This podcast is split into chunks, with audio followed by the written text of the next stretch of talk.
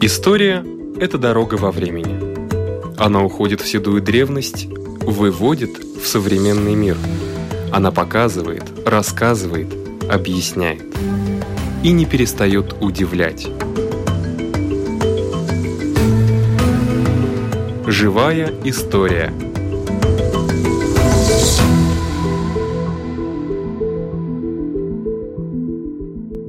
У микрофона Лидия Чера.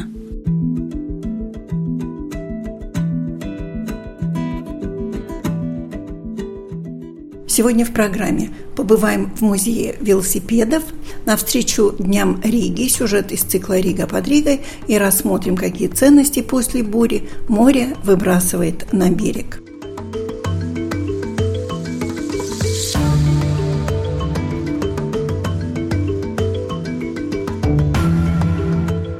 Наверное, все знают, что день рождения Риги начинает свой отсчет с 1201 года. В конце августа всегда празднуются Дни города. А вот что было до 1201 года? И было ли здесь совсем пусто на месте города Риги, или здесь все-таки что-то было? Историк Ира Настрелла. Здравствуйте. Очень хороший вопрос, потому что мы как-то совсем забываем о том, что было до 1201 года, потому что это 1201 год, это у нас такой как отчет, откуда мы начинаем считать, сколько лет городу Ригу. Ну и вот буквально уже скоро-скоро мы будем праздновать 817 лет нашему городу. Но до этого числа. Здесь не было пустое место, здесь жили люди, и, но только мы не можем сказать точную дату, когда именно здесь начали жить люди. Археологические раскопки дают такие знания, что самые старейшие предметы, которые относятся на то, что люди здесь жили, это конец XI века. Это, ну, примерно больше, чем 900 лет назад здесь, на этом месте, где сейчас находится Старая Рига, жили уже люди.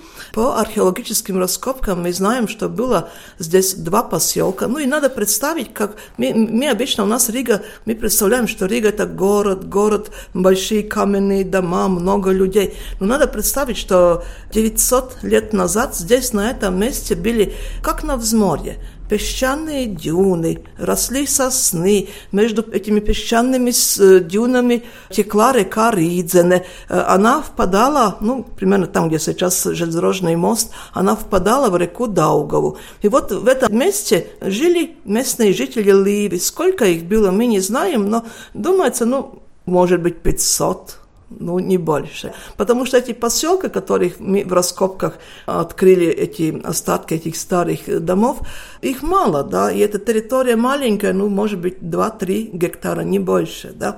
Жили они в маленькие деревянные дома, занимались рыболовством, ну, и если какие-нибудь корабли ходили мимо, конечно, многие здесь и остановились, занимались, наверное, и торговлей, так что мы не можем сказать точную дату, когда начинался порт города Риги, когда люди начали здесь жить. Но мы говорим конец XI века. Так показывают, так э, рассказывают эти самые старейшие предметы. Это колокольчики, гребешок, э, старые украшения, которых мы нашли на этой территории.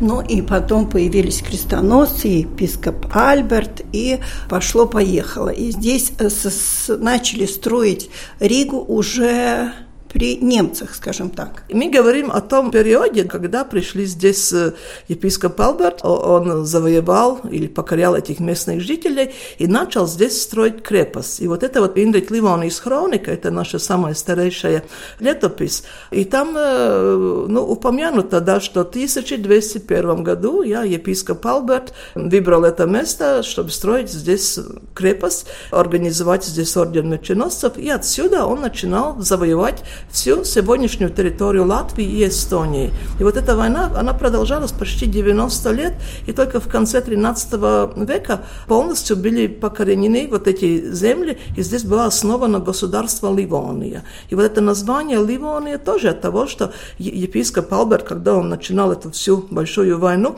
первые народы, которые он покорял, это были Ливи, а Ливи это основоположники города Риги. Вот эти две маленькие поселки жителей, которые здесь жили, это были были ливи, либиеши, я, и оттуда и название Ливония, Ливи. Но это были э, местные жители, скажем так, а приезжие, кто строил Ригу? Ну, до прихода немцев здесь это была деревянная Рига, да. потому что на территории Латвии мы строили только деревянные здания.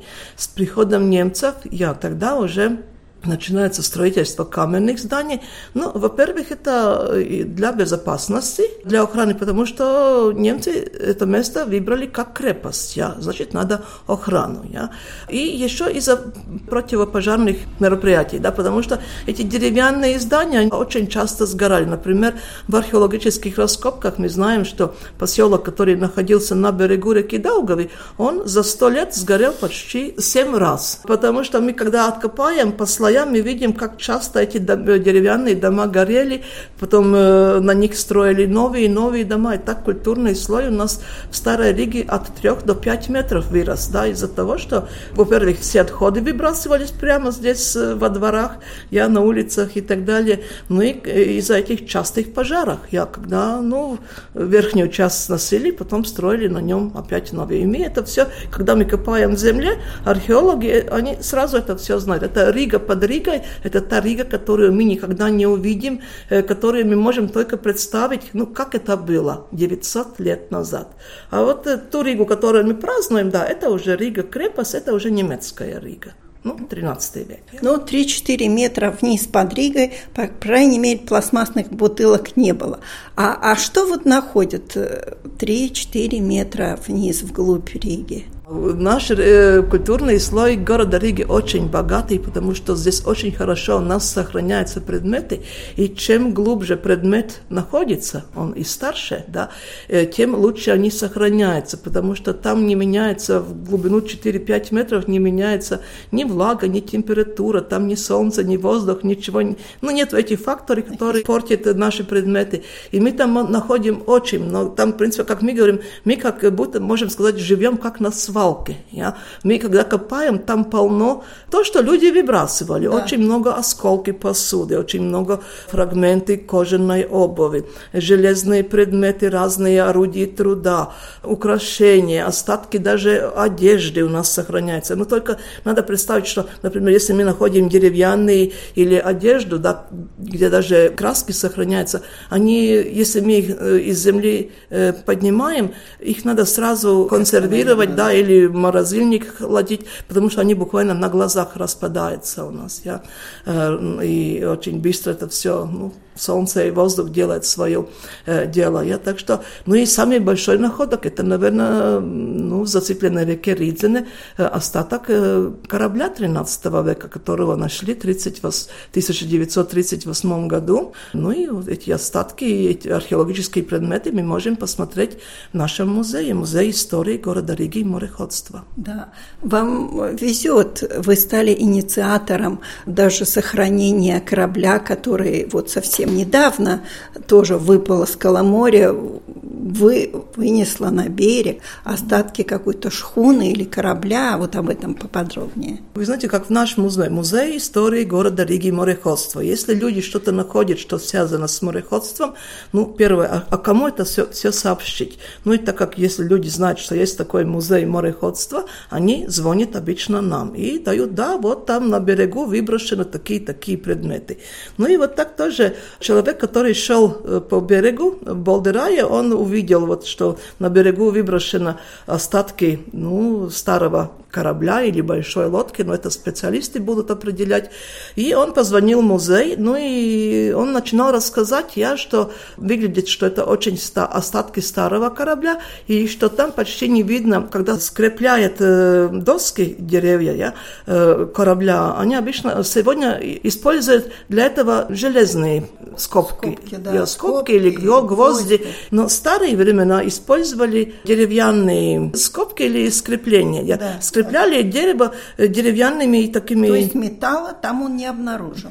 Да, ну, в принципе, там металл был, две, две, я там пошла, там были две металлические такие скобки, да, но большинство это были деревянные, поэтому меня, когда этот человек рассказал, меня это очень заинтересовало, потому что, ну, я сразу э, помнила наш э, корабль, э, который... 38 -го 30, года? Я, которого откопали в 38 году, и который которого мы э, действительно по предметам, по там, историки расследовали по разным химическим методам, мы знаем, что он действительно был построен в начале 13 века. И там тоже есть точно такие же деревянные изделия, деревянные вот эти скобки, детали и все. И поэтому я поехала, посмотрела, и да, и я ну, решила, что ну нельзя этого так оставить, потому что море выброс, выбросило, да, и как мы знаем, это так же, как в археологии. Если мы в земле откопаем что-нибудь, ну, если ничего не будет с этим предметом делать, он, ну, пару месяцев и все, и, он, и от него ничего не останется. А море, там еще быстрее все происходит, потому что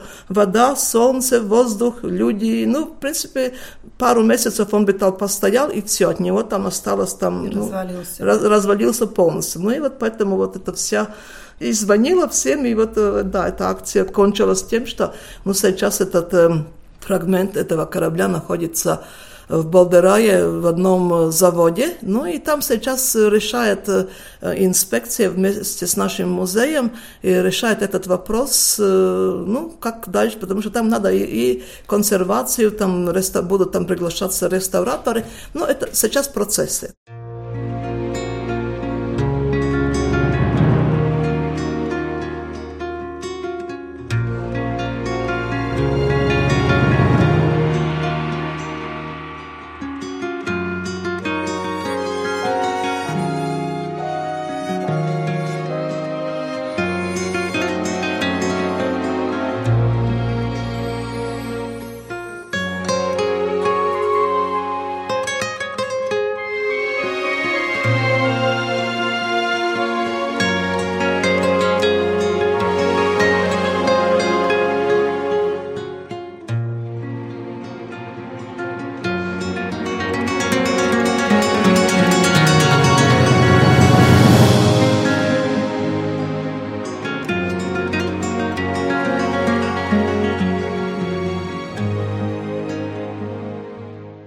В Юркалне находится обрывистый берег активного оползневого типа. Замечено, что за год берег теряет несколько метров суши. Очень часто случаются штормы. В музее ветра можно наблюдать, что море выбросило и что водолазы находят на дне морском. Об истории создания музея рассказывает заведующая Инета Плесума. Было в Юрмале в течение 4 года большая выставка Кудидзалме. Этот проект кончился. Они хотели это где-то передвинуть. Предлагали многим Лепай, Венспилсы. Все отказали. Ни у кого не оказалось лишнее помещение. У нас лишнее помещение нашлось, потому что вот этот статус Намс, тут был ремонт 6 лет назад, и вот как раз это помещение не хватило и денег, ну и особенной надобности не было. Второй этаж, ну что тут делать? Ну и потом организовали какие-то деньги, ну конечно самоуправление дали, но большую часть дали фонды там, ну и тогда нашли. Пять лет не разрешено брать билеты, потому что из фондовской... А как правильно перевести музей? Музей бури или ну, музей ветра? Во всяком. Так он считается самоуправлением музей, да? Да, да. И как звали этого человека, который начал все это делать? Волдемарс Райнс. 70 лет в этом году. И он пришел на открытие. Конечно, те, которые ныряльщики, советская власть их отправили на пенсию в 50 лет, потому да. что очень забирает здоровье. Да. Ну и он тоже как бы держался, но, конечно, видно, что уже здоровье не то. Надо сказать, что у нас фоном идет музыка и, соответственно, да. а, ну, музыка специально, это специальный фон, сделан Бури. для этого места сделал, и это отражает эту центральную сказку Юркалны. Буря, сейчас будет катастрофа, надо Бога просить, чтобы все кончилось хорошо. Ну и обещал тот э, капитан, что если кончится хорошо, тогда на том месте церковь поставит. Вот и тут поставил. Поставили в Юркалне? Да, да. А кто поставил? Ну, это уже давно, это уже третья церковь, потому что море идет сюда. Ну и в этом году забрало море, ну, тут несколько метров, но 10 лет назад за сутки 8 метров. Э, У это, все эти... время отступает. Может. Да, да, да. И 10 лет назад, когда эти 8 это были тут в центре, лестница и площадка, mm-hmm. В этом году больше в сторону Лепай, 5 километров отсюда. Mm-hmm. Это там вот как раз было интересно, что самое большее, когда народ шел, у нас было в январе. Я думала, в январе вообще пусто будет. Бывает, конечно, никогда никто не приходит. Но тогда было за 50 человек за день, потому что шли смотреть вот эти вот разрушения. Всегда есть какая-то реликвия в музее. Ваша какая? Я думаю, наш самый большой, что все эти предметы побивали там, откуда их вытащили. Да, Но это водой. уже для каждого скромного предмета дает какой-то Есть то, что море вы, выбросило. Ну, а, да, ну то вот те только вот эти кирпичи у нас. Корабль целый с кирпичами недалеко, довольно давно. А что здесь за остатки какого-то корабля, вы говорили? Это от Саратова, где правительство Улманиса провело... В Лепой уехало? Да, но корабль-то был российский. И потом этот корабль отдали обратно, когда уже все хорошо кончилось. А когда ехали обратно, там были молодые моряки, неопытные. И авария была у Акменерога маяка, но там, по-моему, все спаслись. Но утонул корабль. И вот доставали по деталям, да? Тоже ныряли, да, и ну и доставали. Все таким образом. Тарелочки откуда, какого века? 20-го? Это там же, видите, нацистский этот значок.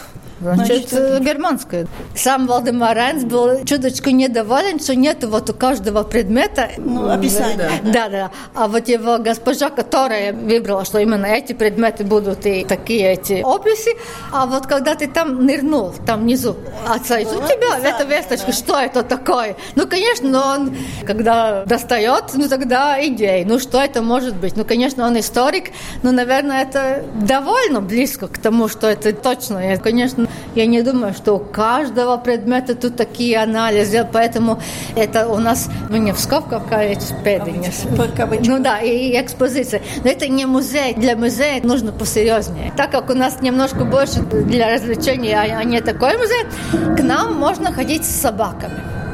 Вот пришла одна компания и говорит, а у нас собака осталась, что нам делать? Ну, я, как я вообще из Риги в музей с собакой, ну да, да, да вы что? Потом мы обсудили, я поинтересовалась, тут в Алсунге, например, как они поступают, они с собаками разрешают, но у них первый этаж, но не, но не так сразу, а тоже там ступени 4-5 надо преодолеть. Они разрешают с собакой, потому что, ну как идея, если собака настолько интеллигентная, что ее уже брали с собой в экскурсию, ну тогда вряд ли она будет... У нас побывала одна маленькая собака. Интересно было, что ей не нравился этот музыкальный фон. Она боялась. Но зато у нас было так на Пасху. И я, и все другие, мы эти большие картонные яйца красили внизу. А пришли с детьми, у которых были. Ну и когда двое нашли друг друга, тем было под два с половиной лет. Ну и они тут организовали, так сказать, пляж обычный. Песочки по... поиграть. Ну и кое-как потом убрала. Я думаю, более-менее ничего. Ну да, и собачка маленькая боялась. Ну, больших еще не привели. Тут рассказ всегда вместе с костюмом идет о том, что Каждый большой шаг в технологии дает больше возможностей, чтобы длина глубже. Ну, вообще, на сегодняшний день можно около 350 метров. Насчет этого костюма, все равно они тоже должны тренироваться. Как пианистка, как все. Как Валдемар Данс всегда отмечает, дай бог дожить до. Так что ему 70 и все-таки еще ну, смог... А он ныряет до сих пор? Нет? Нырять больше не Нет, да.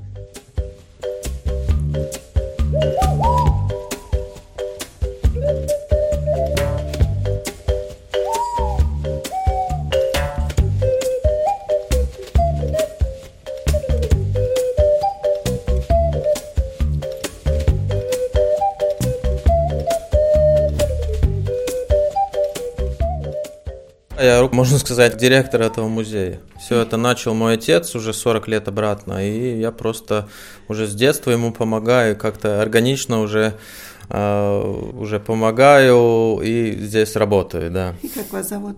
Меня зовут Гунтис Серегинс. Скажите, пожалуйста, как вам кажется, сейчас очень популяр, популярен велосипед, особенно в Риге, не знаю, как в маленьких городах. Угу. Был ли Эта популярность сравнима с той популярностью, с которой велосипеды были популярны в начале прошлого века. Этот уровень мы еще не достигли, потому что сейчас э, больше машин.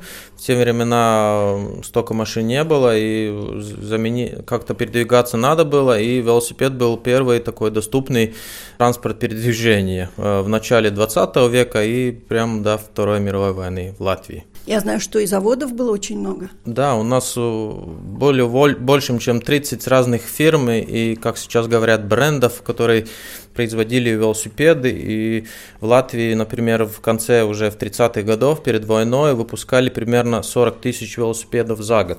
40 тысяч велосипедов, очень много. Но, по-моему, самое выдающееся – это Эрен Прайс. Да, это самый популярный.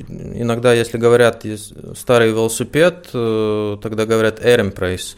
Но на самом деле Эренпрайс, да, был самым крупным э, производителем в 30-х годах. Он производил примерно половину, около 20 тысяч велосипедов за год. Когда вы начинаете экскурсию, с чего вы начинаете? Коротко рассказываю про историю велосипедного дела в Латвии с 19 с конца 19 века до Второй мировой войны и по поводу самой коллекции, как она начинала собираться и как это все до сих пор продолжается. Остался первый экземпляр? Да, в принципе, все, что здесь э, в Латвии найдено, до сих пор находится здесь в музее. И некоторые вещи, конечно, мы меняем иногда, но это все на благо коллекции, чтобы она росла и развивалась. Я понимаю, что много старых велосипедов может быть, да, и каждый может предложить свой старый велосипед из какого-нибудь сарая, чулана, э, чердака, но ведь вы же не все берете. То есть, э, а как вы определяете? Фирма должна стоять какая-то? Ну, к сожалению, да, для музея мы не собираем все велосипеды. Наш интерес заканчивается до Второй мировой войны, когда, в принципе, и прекратилось производство велосипедов в Латвии. После Второй мировой войны осталась э, в Латвии единственная крупная велосипедная фабрика. Перед войной она называлась Эренпрейс, после войны уже пере, переименовали, э, назвали Саркана Звайгзны.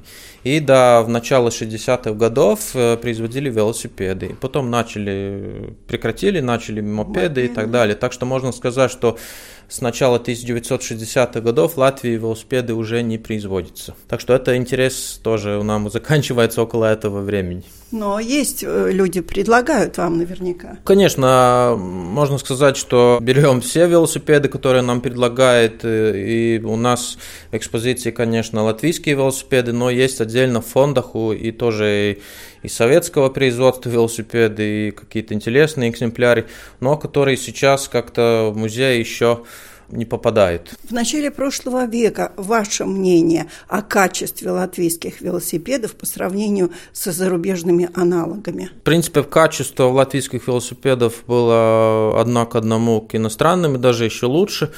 Э, латвийские потребители были очень такие консервативные. Э, те велосипеды, которые производились в Латвии, можно сказать, они назывались довоенные, это э, до Первой мировой войны и по качеству, и визуально, и по дизайну. А, и, например, 20-е и 30-е годы уже 20 века, например, в Германии появились велосипеды уже со скоростями и так далее.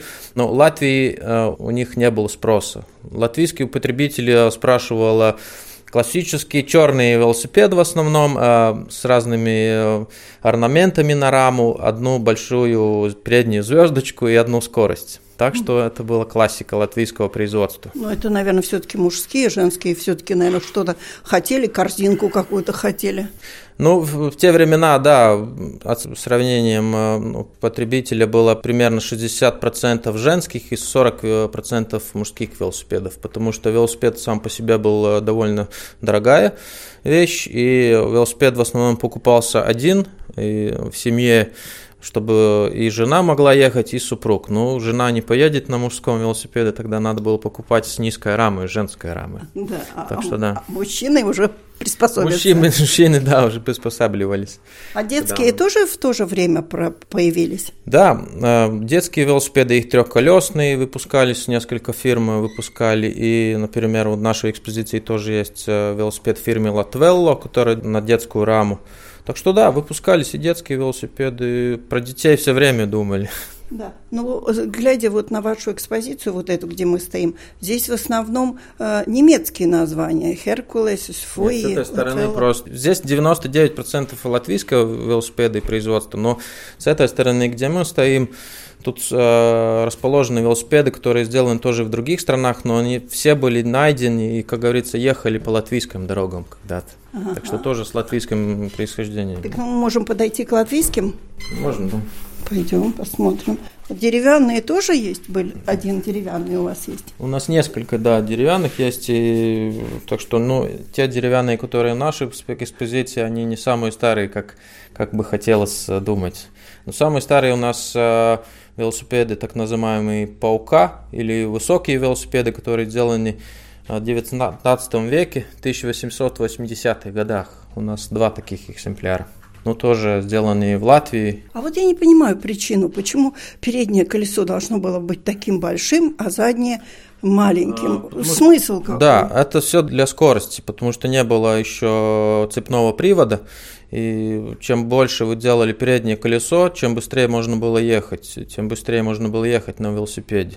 И когда уже человек, ноги человека не, уже не докасались до, до педали, надо было что-то другое думать. И следующий шаг уже эволюции велосипеда появилось уже колеса оба одинакового размера, и появился уже цепной привод с звездочками и цепной привод угу. односкоростной. Так а что вообще... не надо было уже строить такие огромные колеса, чтобы так же быстро ехать. Это самые первые экземпляры, да? А экземпляры самые редкие, может быть, самые дорогие. Ну, каждый велосипед чем-то уникален. А, есть несколько велосипедов с первой велосипедной фабрики, которая открылась уже в 1886 году в Риге. А, по тем временам первая велосипедная фабрика в России была, Александр Лейтнер. Те экземпляры довольно такие штучные. Думаем, ну, в принципе, мы стараемся сохранить и найти велосипеды таких фирм и производителей, которые по конструкции тоже интересны людям. Да, да. Но вот эти первые, которые Аукстратс, которые высокие, они еще не наполнялись воздухом, по-моему, даже эти колеса. Да, эти колеса еще не так называемые пневматикой, еще в те времена первые надувные шины с пневматикой, с воздухом появились только в самом начале 1890-х годов системы Dunlop.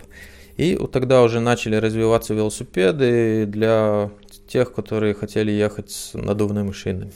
Ну а когда состоялись первые соревнования по велоспорту? Уже в 1870-х годах уже на высоких велосипедах и первый велосипедный клуб и общество открылось уже в Риге 1800, тоже, в 1886 году. Это было первое общество велосипедистов, уже больше, чем 130 лет обратно.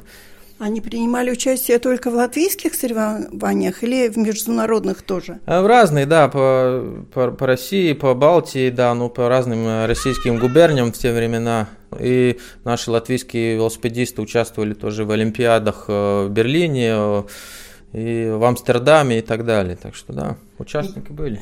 Участники были, но побед особо не было? Нет, ну побед не было, но участников было много.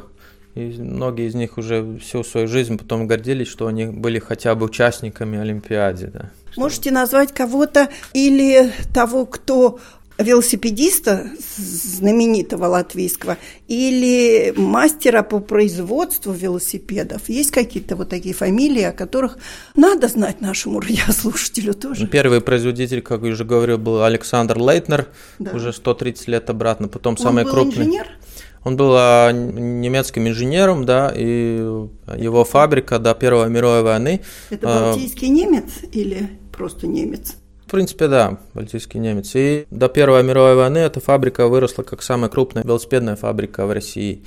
Второй, конечно, самый крупный – это Густавс Эренпрейс тоже уже один из самых популярных производителей. Ну, множественно были велосипедистов и послевоенные, и довоенные, которые участвовали в разных э, мероприятиях. Так что да. Знаю, что династия Эрен Прейса жива. А, да, сейчас а, один из родственников а, Эренпресса, Томс Эренпресс в Риге складывает вместе э, велосипед для города, ну, городские ну, велосипеды. да? Нет, но новые, э, современные городские велосипеды, да. У него нет таких экземпляров, которые бы вас заинтересовали? Ну, нет, нет, нет, все-таки нет. Он заказывает детали и другие вещи для велосипедного в Азии, и здесь в Риге складывает просто вместе велосипеды. Ну, а это что, военные велосипеды, которые в войну были? Да, разный уголок разных военных велосипедов и разных армий, которые, в принципе, проходили, проходили через Латвию. И Первая мировая война, царская русская армия, и Вторая мировая война, и наша латвийская национальная армия тоже имела отдельные велосипедные роты, которые передвигались э, на велосипедах. Так что да, тут такой уголочек военных велосипедов. Ну, еще самое-самое Конечно, обо всем не расскажешь, но самое-самое это можно. Самое-самое уникальное, самое-самое дорогое, самое-самое э, быстрое, самое-самое Нет, старое. Вся коллекция, вся вместе, можно сказать, интересная. Нет отдельно таких велосипедов, которые были самые интересные. Они все уникальные. Второй, второй раз, к сожалению, такую уже не собрать. Да. А сколько лет? 40 лет отец собирал? Да, с середины 70-х годов уже больше, чем 40 лет этим занимается. И сама, но сам музей у нас э, в прошлом году праздновали 20 лет уже юбилей. И, в принципе, музей, э, честно говоря, процветает. Я была здесь лет 10-15 назад. Мне кажется, тогда было более так запущено. Сейчас все сверкает и все в очень хорошем порядке. Ну, растем, да. У нас помещение примерно 100 квадратных метров, но уже смеемся, что надо строить уже второй этаж. Наверное, уже места хватает. Не хватает для велосипедов, да. Да, ну вас, наверное, радует то, что сейчас очень многие передвигаются на велосипедах. Да, это радует. Саукресты – это очень маленький городок и длинная доля всего моря. 12 примерно... километров. А, да, но вся, вся часть примерно 17 километров, это только в городе. Да. Так что очень э, такой хороший вариант передвигаться на велосипеде. А есть какая-то комплектация, которая со временем уже отошла, но была очень, ну, как бы для удобства думана, или что-то в комплектации, чего сейчас уже нет, но была интересная задумка какая-то. Мне можно сказать, что велосипед свой классический э, выглядит. Всю классику приобрел уже в конце 19 века. В наши дни, э, в принципе, ничего нового уже не придумывает. Меняются какие-то материалы, пластик, карбон и так далее, ну, и какие-то скорости появляются побольше, но своем классическом виде велосипед уже приобрел в конце 19 века. Так что сейчас иногда тоже где-то показывают какие-то изобретения для велосипеда, да, ноу-хау, но на самом деле это уже было там 50-100 лет обратно уже придумано. И потом все равно мы возвращаемся к той классике, которой велосипед был. Да, так оно и есть, да. На этом наша передача заканчивается. Всего вам доброго.